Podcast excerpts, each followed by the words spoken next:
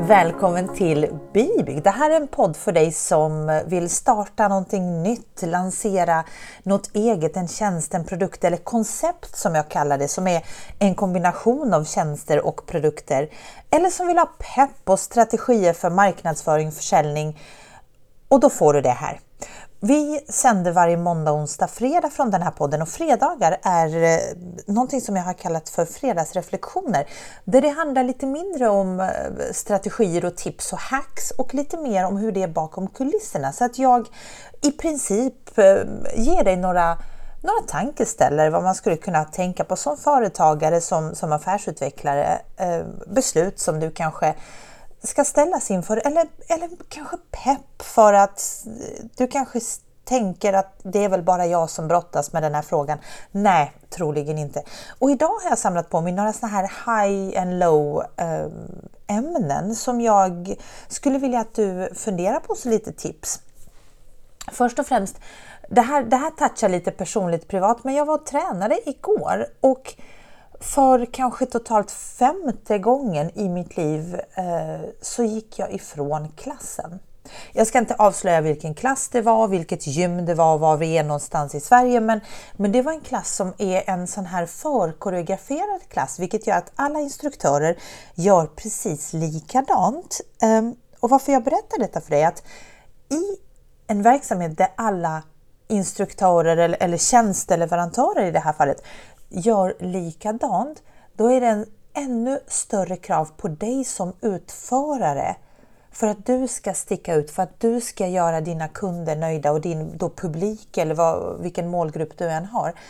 Och igår så kände jag på den här klassen dels att det var noll energi och kontakt med gruppen. Uh, instruktören peppade för all del, men jag, jag som då har instruktörsvana, har varit instruktör i 20 års tid nästan.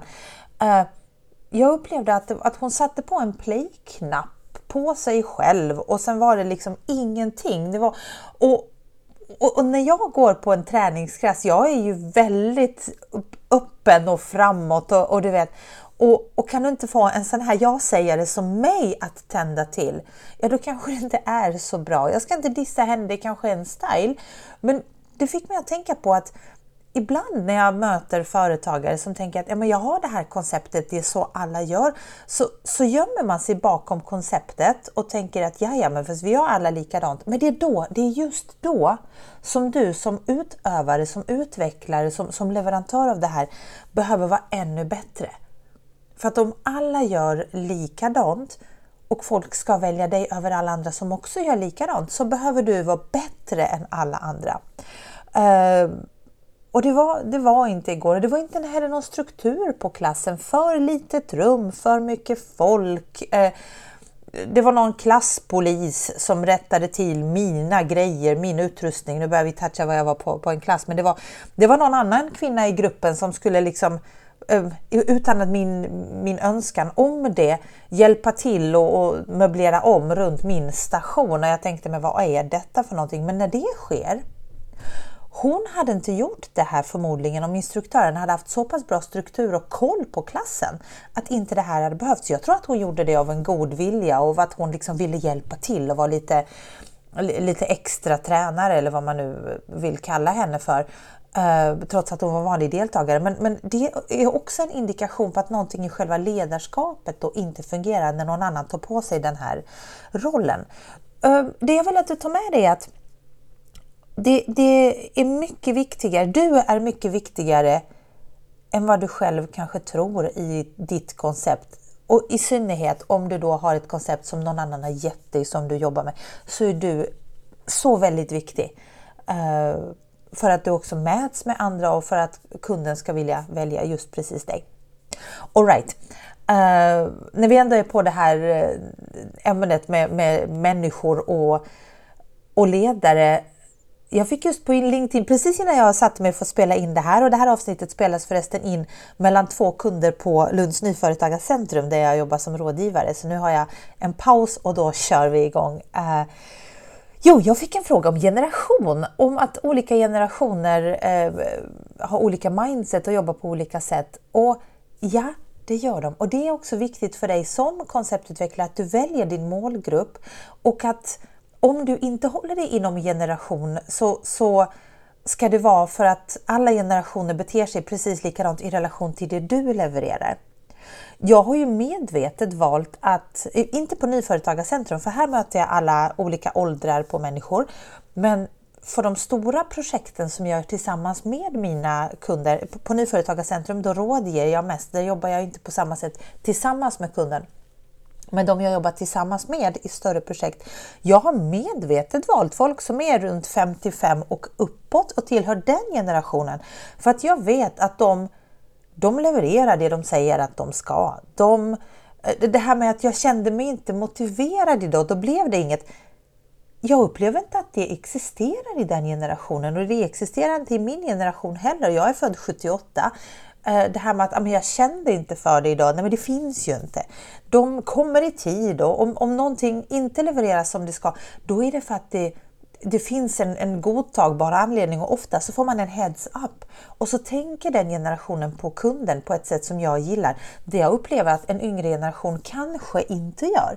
Sen finns det alltid då på individnivå såklart inom alla generationer både fantastiskt och mindre fantastiskt. Men, um, men, men på generationsnivå så har jag upplevt att det finns skillnader och jag brukar rekommendera mina kunder att nischa sig så mycket det går även där.